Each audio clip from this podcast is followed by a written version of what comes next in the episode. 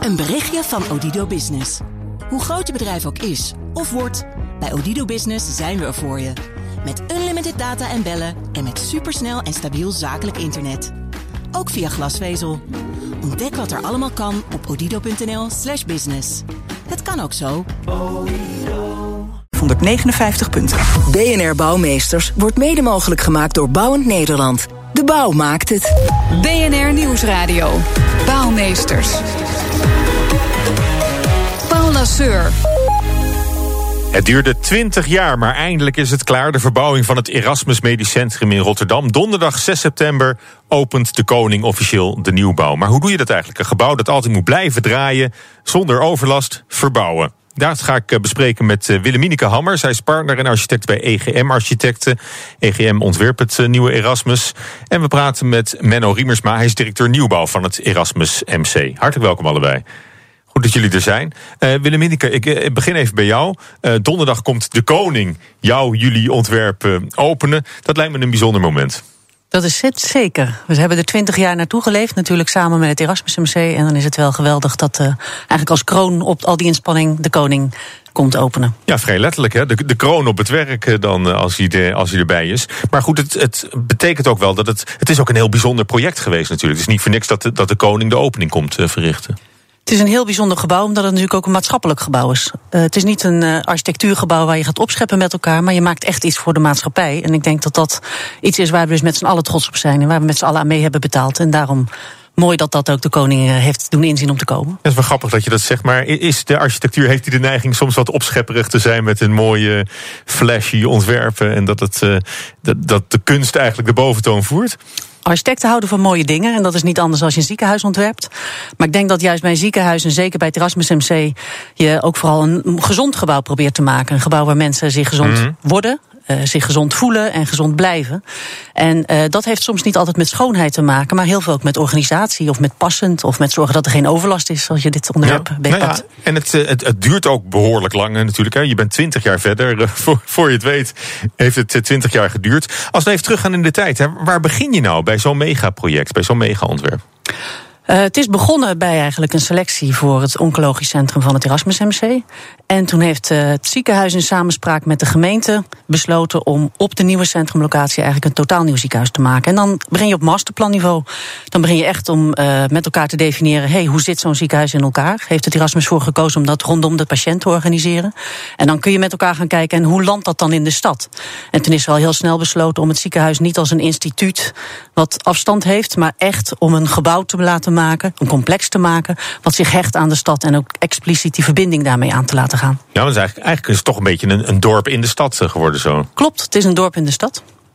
En uh, dat begon dus bij oncologie eigenlijk. Deze, maar daarbij zijn in, intussen ook de, de, de kinderafdeling, volwassenen, het universitair medisch centrum is allemaal daaraan, daaraan vastgeritst als het ware. Ja, als je naar een universitair medisch complex kijkt, bestaat dat eigenlijk uit domeinen van onderwijs, onderzoek en zorg. En die drie bij elkaar zijn met de bouw van het nieuwe ziekenhuis op een heel natuurlijke manier aan elkaar geritst. Waardoor die samenwerking geïntensiveerd kan worden. En dat is georganiseerd rondom samenwerkingen die er al waren. Bijvoorbeeld oncologische samenwerkingen. Bijvoorbeeld uh, samenwerkingen op het uh, aspect van hersenen en zintuigen. Dus dat soort thema's zijn beetgepakt. Dus aan de ene kant voor de patiënt heel begrijpelijk. En aan de andere kant heb je wel een heel groot gebouw te maken, klopt. Ja, het is gigantisch. Ja, ik heb er ook uh, foto's van. Het is ook een indrukwekkend uh, complex als het vanuit, uh, vanuit de lucht ziet. En ook hoe het verder is ingericht. Maar daar komen we zo nog over te spreken. Menno, twintig jaar geleden ging nog niet de eerste schop in de grond. Hè. Daar ging eigenlijk nog tien jaar aan voorbereiding aan vooraf. wat moest er geregeld worden voordat je kon beginnen met, met de eigenlijke verbouwing? Nou, we moesten ongeveer de helft van ons complex uh, verwijderen zeg maar, om het nieuwe ziekenhuis te bouwen. En het nieuwe ziekenhuis betreft overigens het volwassenenziekenhuis. Dus het kinderziekenhuis is Sofia Kinderziekenhuis. Mm -hmm. Dat staat nog gewoon uh, en is nog steeds in gebruik. En de medische faculteit, waar Willemineke al aan refereerde, voor het onderzoek en onderwijs staat er ook. En maken ongeveer die andere helft uit. Uh, de eerste tien jaar, voordat we eigenlijk begonnen met de bouw, waren we vooral bezig met het verkrijgen van vergunningen. Het werk maken van een ontwerp. En vooral het vrijmaken van het perceel waar het nieuwe ziekenhuis op gerealiseerd zou worden. Ja, en daarbij moest je dus ook nog uh, zeker stellen dat het ziekenhuis gewoon kon doordraaien. Dat, de, dat operaties gewoon plaats konden vinden terwijl de ver, verbouwing aan de gang was. Ja, het bestaande Dijkzicht ziekenhuis uit de 60 jaren was toen het tijd het ziekenhuis was, was nog steeds in productie. En we moesten echt passen en meten om net een ruimte vrij te maken voor het nieuwe ziekenhuis daar te kunnen bouwen voor de volwassenen. Ja, en daarbij hebben jullie ook met, uh, met de patiëntenstromen, hebben, hebben jullie ook wat, wat gedaan? Hè? Die, die werden al omgeleid voordat het eigenlijk nodig was. Ja, klopt. Uh, je gaat acht jaar bouwen. Dat is een lange tijd voor uh, vastgoedtermen zelfs. En daarvoor was het van belang dat zowel de medewerkers, patiënten, parkeren, fietsroutes, alles moest worden omgelegd. En dat probeer je dan in één keer goed te doen. Dat je er acht jaar mee vooruit kan. Nou goed, en is de architect daar ook al bij betrokken? Bij, de, bij het omleiden van patiëntenstromen en bij de toegangswegen? En, uh, want er wordt nog niet echt gebouwd. Klopt. Voordat je gaat bouwen hebben we eigenlijk de hoofdentree die aan de kant van de stad lag naar de buitenkant van de complex uh, gelegd. Uh, maar je kunt je ook voorstellen, alle goederen die het ziekenhuis in en uitgaan. Er is een volledig nieuw logistiek centrum voor mm. ontworpen. Uh, en daarin heeft het Erasmus MC ook de keuze gemaakt om dat allemaal dan centraal te gaan organiseren. Dus eigenlijk eerst midden van je complex helemaal vrijmaken. De entrees naar de buitenkant leggen. Vervolgens bouwen aan de binnenkant in een paar grote stappen. En daarna pas weer al die logistieke ja. spaghetti aan elkaar breien. Ja, Klopt. Maar, maar dan ben je waarschijnlijk al, uh, al miljoenen euro's verder voordat er iets gebouwd is, of niet?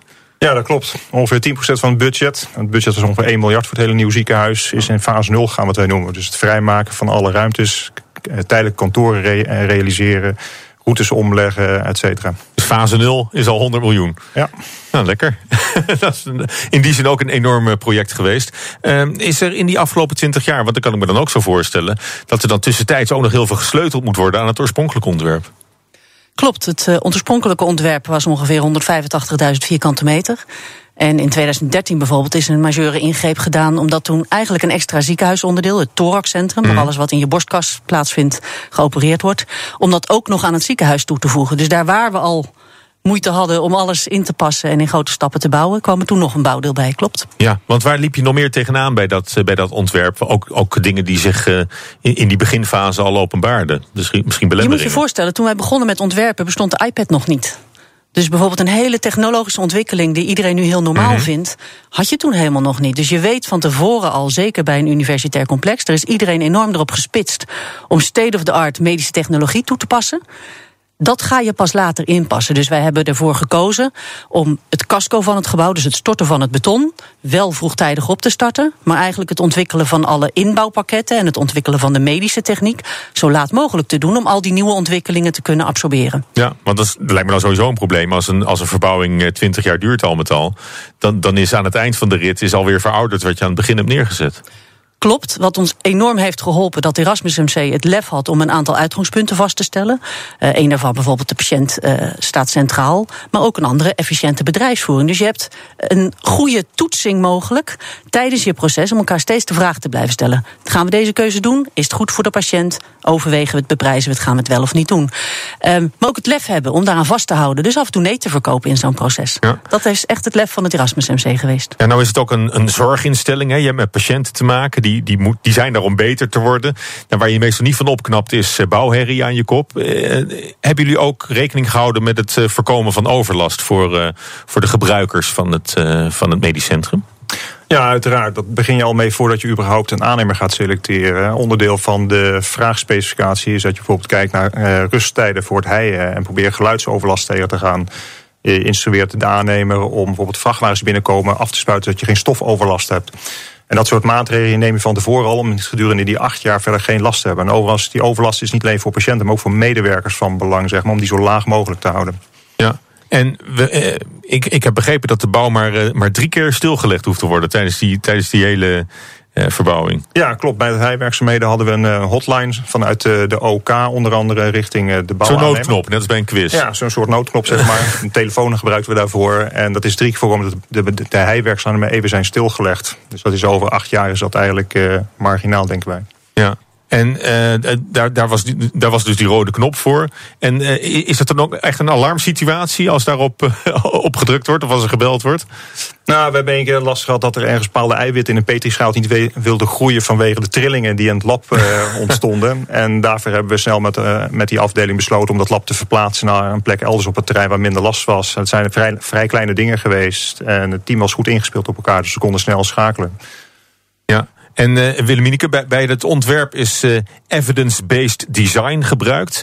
Waar, waar, heb je het dan over? Dat gaat over dat, dat mensen ook in, in een healing omgeving komen te, te liggen. Evidence-based medicine kennen alle artsen. Mm -hmm. Want uh, geen arts gaat iets doen zonder dat het bewezen is dat het goed is. Willen wij ook niet. Um, bij architectuur is daar de spoeling wat dunner. Mm. Uh, maar zeker in een academische setting is daar wel de nadruk op gelegd. Uh, een voorbeeld, je gaat dan op zoek naar welke bewijzen er zijn over heel concreet voorbeeld de plek van een wastafel ten opzichte van waar je een patiënt benadert. Als jij een wastafel in de loop doet en je kijkt iemand al aan terwijl je je handen wast, ben je veel beter geneigd om je handen heel goed schoon te maken dan wanneer je met de rug naar iemand toe staat. Dus daarmee help je eigenlijk het ziekenhuisproces en hygiëne na te streven die men wil nastreven. Oké, okay, en hebben jullie ook kans gezien om iets aan die ellendige ziekenhuisgeur te doen of niet? Wat, dat is nou iets waar ik met ziekenhuizen altijd aan denk. Je ruikt meteen dat je in een ziekenhuis bent. Klopt, we hebben eigenlijk het publieke gebied van het ziekenhuis. En je kunt je voorstellen dat als je op tijd bij een ziekenhuis bent, dat je het gevoel hebt te moeten wachten. We hebben het woord wachten eigenlijk niet willen gebruiken. We hebben daar echt een verblijfsgebied van willen maken. Waardoor het moment Ik zag dat ook je. foto's met enorme planten, struiken. Klopt, klopt. Iemand gezellig op een laptop even wat. Uh... En ook dat is evidence-based. Uh, er is bewezen al in de jaren tachtig dat het zicht op groen en de nabijheid van groen maakt dat je stress reduceert. Mm -hmm. uh, dus dat hebben we ook omarmd en samen met de landschapsarchitect daar hele aanzienlijke keuzes gemaakt die best spannend zijn in een ziekenhuis. Dus in die publieke gebieden, maar ook als je in je verpleegafdeling naar buiten kijkt, dan kijk je gewoon naar een daktuin in een ziekenhuis op de achtste verdieping. Dus we hebben op allerlei niveaus kun je dat evidence-based gedachtegoed inpassen. Ja. Maar dan vraag je ook af, waar houdt het werk van de architect op en begint het werk van de arts? Eigenlijk ga je een beetje op de stoel zitten van mensen die, die mensen, andere mensen beter maken. Klopt, en als je daar een steentje aan kunt bijdragen, daar is volgens ons helemaal niets mis mee. Daar kan uh, de architect best uh, mee overweg, zeg je? Ja hoor. Oké. Okay. Nou, het Erasmus Medisch Centrum is nog lang niet uitgebouwd. Dus wat staat het ziekenhuis? BNR Nieuwsradio. BNR Bouwmeesters. Na 20 jaar verbouwen kunnen patiënten allemaal centraal terecht in het nieuwe Erasmus Medisch Centrum. Het oude dijkzicht gaat nu tegen de vlakte. En ik praat erover door met Willemineke Hammer. Zij is partner en architect bij EGM Architecten. En ze werkt mee aan het ontwerp voor het nieuwe Erasmus Medisch Centrum. En we praten met Menno Riemersma, directeur nieuwbouw van het Erasmus MC. Ja, Menno, het oude Erasmus ziekenhuis, het dijkzicht, dat, dat wordt nu gesloopt. Dat moet drie jaar duren. En ik denk dan, ja, slopen, dat is toch zo gebeurd? Waarom moet dat nog drie jaar duren om, een, uh, om de sloopkogel er doorheen te slingeren? Nou, ik denk een van de belangrijkste redenen is uh, het asbest wat in het gebouw zit. In uh, die tijd was asbest het wondermiddel, werd overal in Nederland gebruikt. En in de wereld trouwens op een aantal plekken nog mm. steeds. Dat is ontzettend kostbaar en ga je heel zorgvuldig ga je dat verwijderen. Ook voor veiligheid voor medewerkers en patiënt bij het mm. Twee, we willen het ook proberen zo duurzaam mogelijk te doen. Proberen uh, materialen te hergebruiken in, uh, en niet dat ze meteen naar de sloop uh, gaan. Dus, dus het moet echt steen voor steen gebeuren bijna. Nou, bij wijze van spreken. je kan natuurlijk ook niet uh, met explosief het gebouw naar beneden laten komen. Dat vinden veel mensen wel spannend. Maar uh, het, zal echt, het staat 10 meter van het nieuwe ziekenhuis af. Dus je moet het ook heel zorgvuldig, een uh, gebouw van 12 verdiepingen hoog, weer afbreken. Ja, want jullie hebben op, op de nieuwbouw ook een mooie daktuin gerealiseerd. Ook om, dat is voor, voor patiënten ook heel plezierig om, om lekker buiten te kunnen zitten in, in, in het groen. Maar goed, dan wil je daar lekker hielen op, in die daktuin. Eh, wordt daarnaast een gebouw gesloopt. Dat, dat ja. is inderdaad wat, wat jullie een beetje proberen te, te voorkomen. Ja, gelukkig is, zijn die daktuinen aan de andere kant gesitueerd. Oh, okay. dus, uh, maar de, de kliniklagen aan de... Maar goed, het idee is, is hetzelfde. Ja, zeker. Nee, Patiënt, patiënten kunnen daar, kunnen daar makkelijk last van hebben, lijkt me. Ja, uiteraard. En het, goed om te zeggen ook is dat het bouwen van een ziekenhuis of het slopen van een oud ziekenhuis voor heel veel patiënten ook heel veel afleiding geeft. Ondanks het geluid, wat we proberen zo laag mogelijk te houden en de stofontwikkeling die proberen we tegen te gaan. Dat er iets gebeurt zeg maar, buiten is voor heel veel patiënten en medewerkers weer geeft ook een hele hoop afleiding. Zeg maar. ja, misschien toch een argument om met die explosieven wat te gaan doen. Ja, zeker. Een soort, soort we, vuurwerkshow. Ja, klopt. Nee, dat, dat zullen we toch deze keer helaas uh, op de traditionele ouderwetse manier moeten gaan doen. Dat gaat het dan niet worden. Wat ja. komt er voor in de plaats? Wat ze nu, of is dat nog niet helemaal duidelijk? Nou, we zijn bezig. Of moet ik dat aan Willemineke vragen? Nee, wat wat dat, ze daar voor plannen heeft? Mijn team die, die is los van de nieuwbouw ook verantwoordelijk voor de renovatie van het Sofia Kinderziekenhuis en de medische faculteit, die op hetzelfde complex mm -hmm. uh, toebehoren. En de oude ziekenhuisgebouwen die gaan we de komende acht jaar slopen. En we zijn bezig met een nieuw masterplan. Waarbij we potentiële uitbreiding van het Erasmus Medisch Centrum voorzien. En als we dat hebben uh, afgesproken met de gemeente Rotterdam, dan willen we kijken of we daar een science park kunnen gaan stichten. Tenminste, die ontwikkelingen die zijn wel uh, opportun. Oké, maar dat wordt dus wel weer volgebouwd. Of komt er een soort park of, of, of ook nog meer een, groene omgeving om het, uh, om het leefbaarder te maken? Nog? Nou, een combinatie van die twee. We zullen sowieso zorgen dat er ook voldoende groen is. Dat de, de zichtlijnen die we hebben, vooral voor het klinkdeel, waar de patiënten liggen, dat die ook in, mm. intact blijven. Maar waar potentieel uitbreidingsmogelijkheden en om samenwerken met andere opleidingsinstituten, zorginstituten uh, vorm en inhoud te geven, zullen we dat zeker ja. gaan onderzoeken. Nou, het consortium wat voor de nieuwbouw verantwoordelijk was, hè, BAM en Balles Nedam samen. Ik geloof de bouwcombinatie noemden ze zich. Uh, uh, wat, wat voor techniek hebben ze nou gebruikt om zo min mogelijk overlast te veroorzaken bij het uh, bouwen?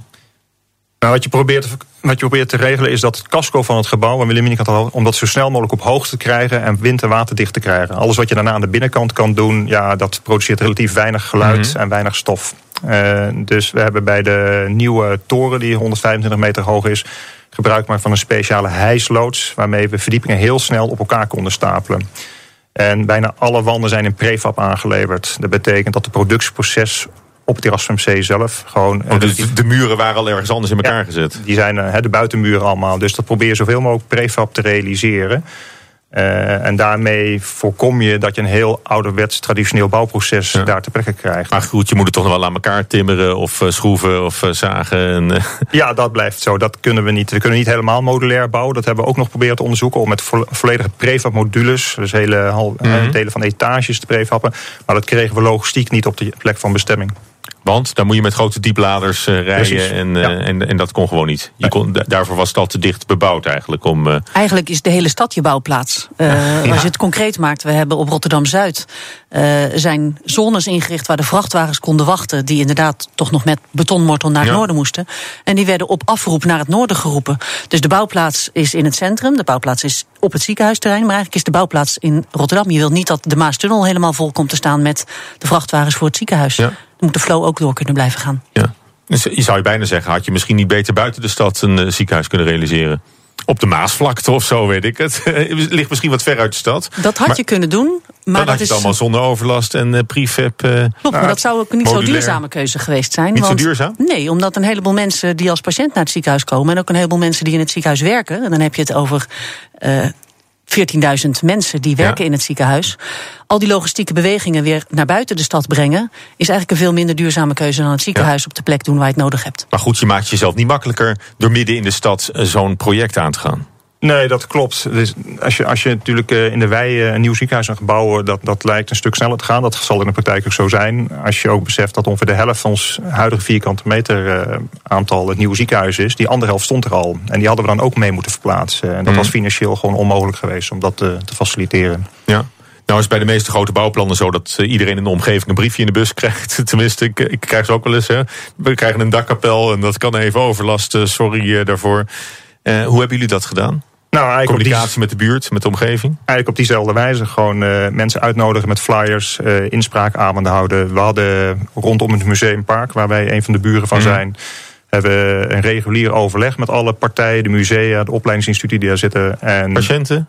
Patiënten uiteraard, belangenvereniging, bewonersvereniging, winkeliersvereniging van de naam Burger Winkelstraat. Die zijn allemaal uitgenodigd, nemen daar een deel.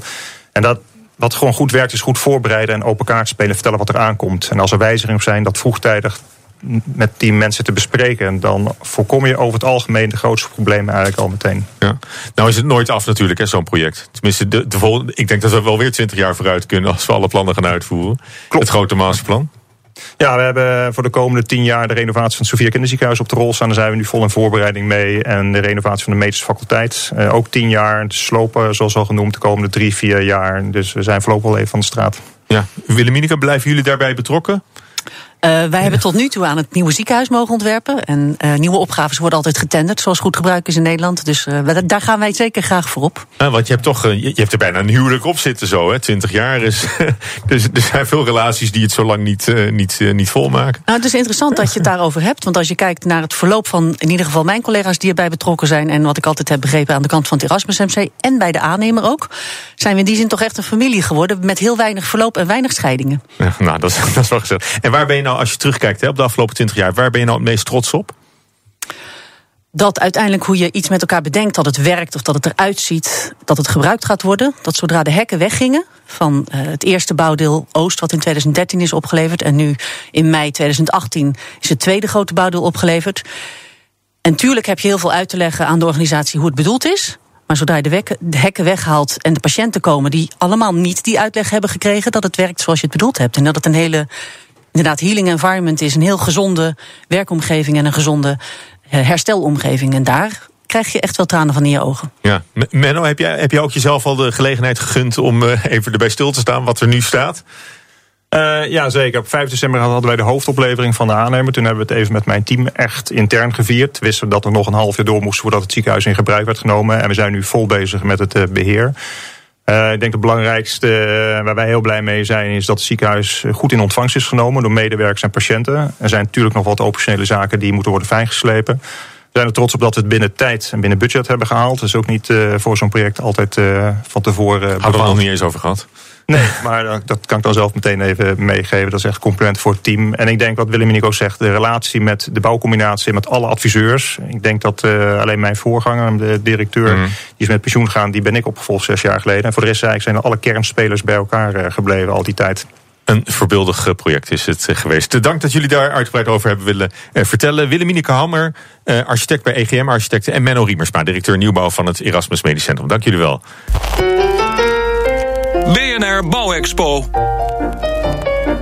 Nou, Paul. Ja, in de Bouwexpo zetten we zoals elke week een bijzonder gebouw in de schijnwerpers. Uh, redacteur Judith Lane die heeft zich deze keer verdiept in Open Monumentendag. Want dat is dit weekend weer zover. Dat klopt, ja. Uh, en we blijven even bij de ziekenhuizen. Uh, want een van de monumenten die je kunt bezoeken is de Sint-Johannes de Deo. Dan denk jij, wat is dat? Dat klinkt oud en katholiek. ja. Brabant, misschien wel. Ook dat, het ja. is in Den Bosch. Het is een voormalig ziekenhuis aan de Papenhulst 26 in Den Bosch. Dus ook nog toepasselijke straatnaam erbij. Uh, het is niet zomaar een ziekenhuis, maar het is een mannenziekenhuis. Dat was het vroeger. Uh, in 1914 is het gebouwd. Um, en behalve een ziekenhuis uh, met een kliniek en een polykliniek en operatiekamers, was er ook een kapel en een klooster. Dus officieel heet het dan een noviciaat of een noviciaat. -hmm. Um, en tussen 1905 en 1955 was er ook een interne opleiding voor mannelijke verpleegkundigen. Nou, dat klinkt heel modern, maar dat is natuurlijk omdat het een, een katholieke een, een monnik-kloosteromgeving. Uh, was, het, was het een modern gebouw voor die tijd? Een beetje, was, een beetje in die stijl ja. ook van de, van de jaren twintig misschien? Ja, en als we dan toch over uh, moderne gebouwen hebben... zoals een nieuw Erasmus MC uh, in het licht daarvan... Um, in 1927 werd de operatieafdeling van dit ziekenhuis... in de medische studieboeken geroemd als een van de meest moderne van Nederland. Ah. En zie je dat er nog aan af of niet? Nou ja, nee, van buiten is het eigenlijk super klassiek. maar het, is, uh, het, ja, het heeft een vrij traditionele architectuur. Met uh, uh, ook een soort kapelachtige ingang. Een soort mooie, mooi boogje. Ah ja, je... Is het nog steeds snel ziekenhuis in gebruik? Nee, nee nu is het een, een woonhuis. Je kunt er wonen. Uh, trouwens, toen het nog een ziekenhuis was, uh, werd het ook de Paap genoemd. Ah, kijk aan. Dan denk je, wanneer is het dan overgegaan van een ziekenhuis ja. naar een woonhuis? Dat was uh, ongeveer, nou ja, jaren tachtig. krakers, die hebben het min of meer gered, tussen haakjes. de gemeente heeft het toen gekocht, liet het verbouwen. Nu kun je er dus wonen. Oké. Okay. En uh, aanstaande zaterdag tussen 10 en 5 uur s middags kun je rondleidingen door het pand krijgen. Dat is wel interessant. Van de bewoners zijn dat zullen niet alle voormalige krakers zijn. Ik weet niet zeker. In, in, Groningen heb je ook het oude Rooms-Katholieke ziekenhuis. Dat, dat is toen ook gekraakt. Volgens mij in diezelfde periode. Dat en is inmiddels ook ontwikkeld volgens mij tot, uh, tot woonruimte. Ja, en um, ik, uh, ik heb ook op de site van openmonumentendag.nl, als je denkt waar kan ik nou nog meer dingen uh, vinden. Uh, er zijn heel veel oude ziekenhuizen in Nederland. Hè? En, ook, ook en heel je hebt al een herbestemming gekregen. Veel daarvan wel. Sommige die staan leeg. Um, er is ook nog een ander oud ziekenhuis in uh, Rotterdam. Uh, de Zuider, zeg ik uit mijn hoofd. Ik heb het niet opgeschreven, sorry. Dus ja, ik ben er, wordt, er wordt geknikt. Ja. Het Zuiderziekenhuis. Ja, okay, het Zuiderziekenhuis. Uh, en, uh, en dat, dat is ook wordt, open dit weekend. Ja, en dat wordt een soort start-up voor uh, nieuwe bedrijven. Een soort, soort hub waar je dan nou, als start-up kunt zitten. Ik weet niet of het met het nieuwe Erasmus Medisch Centrum over 100 jaar ook zover komt. Of het voor een andere bestemming in aanmerking komt. Maar, maar wie weet. dankjewel Judith. Dit was BNR Bouwmeesters. Terugluisteren kan altijd via bnr.nl slash bouwmeesters. Of als podcast via iTunes of Spotify. Tot volgende week.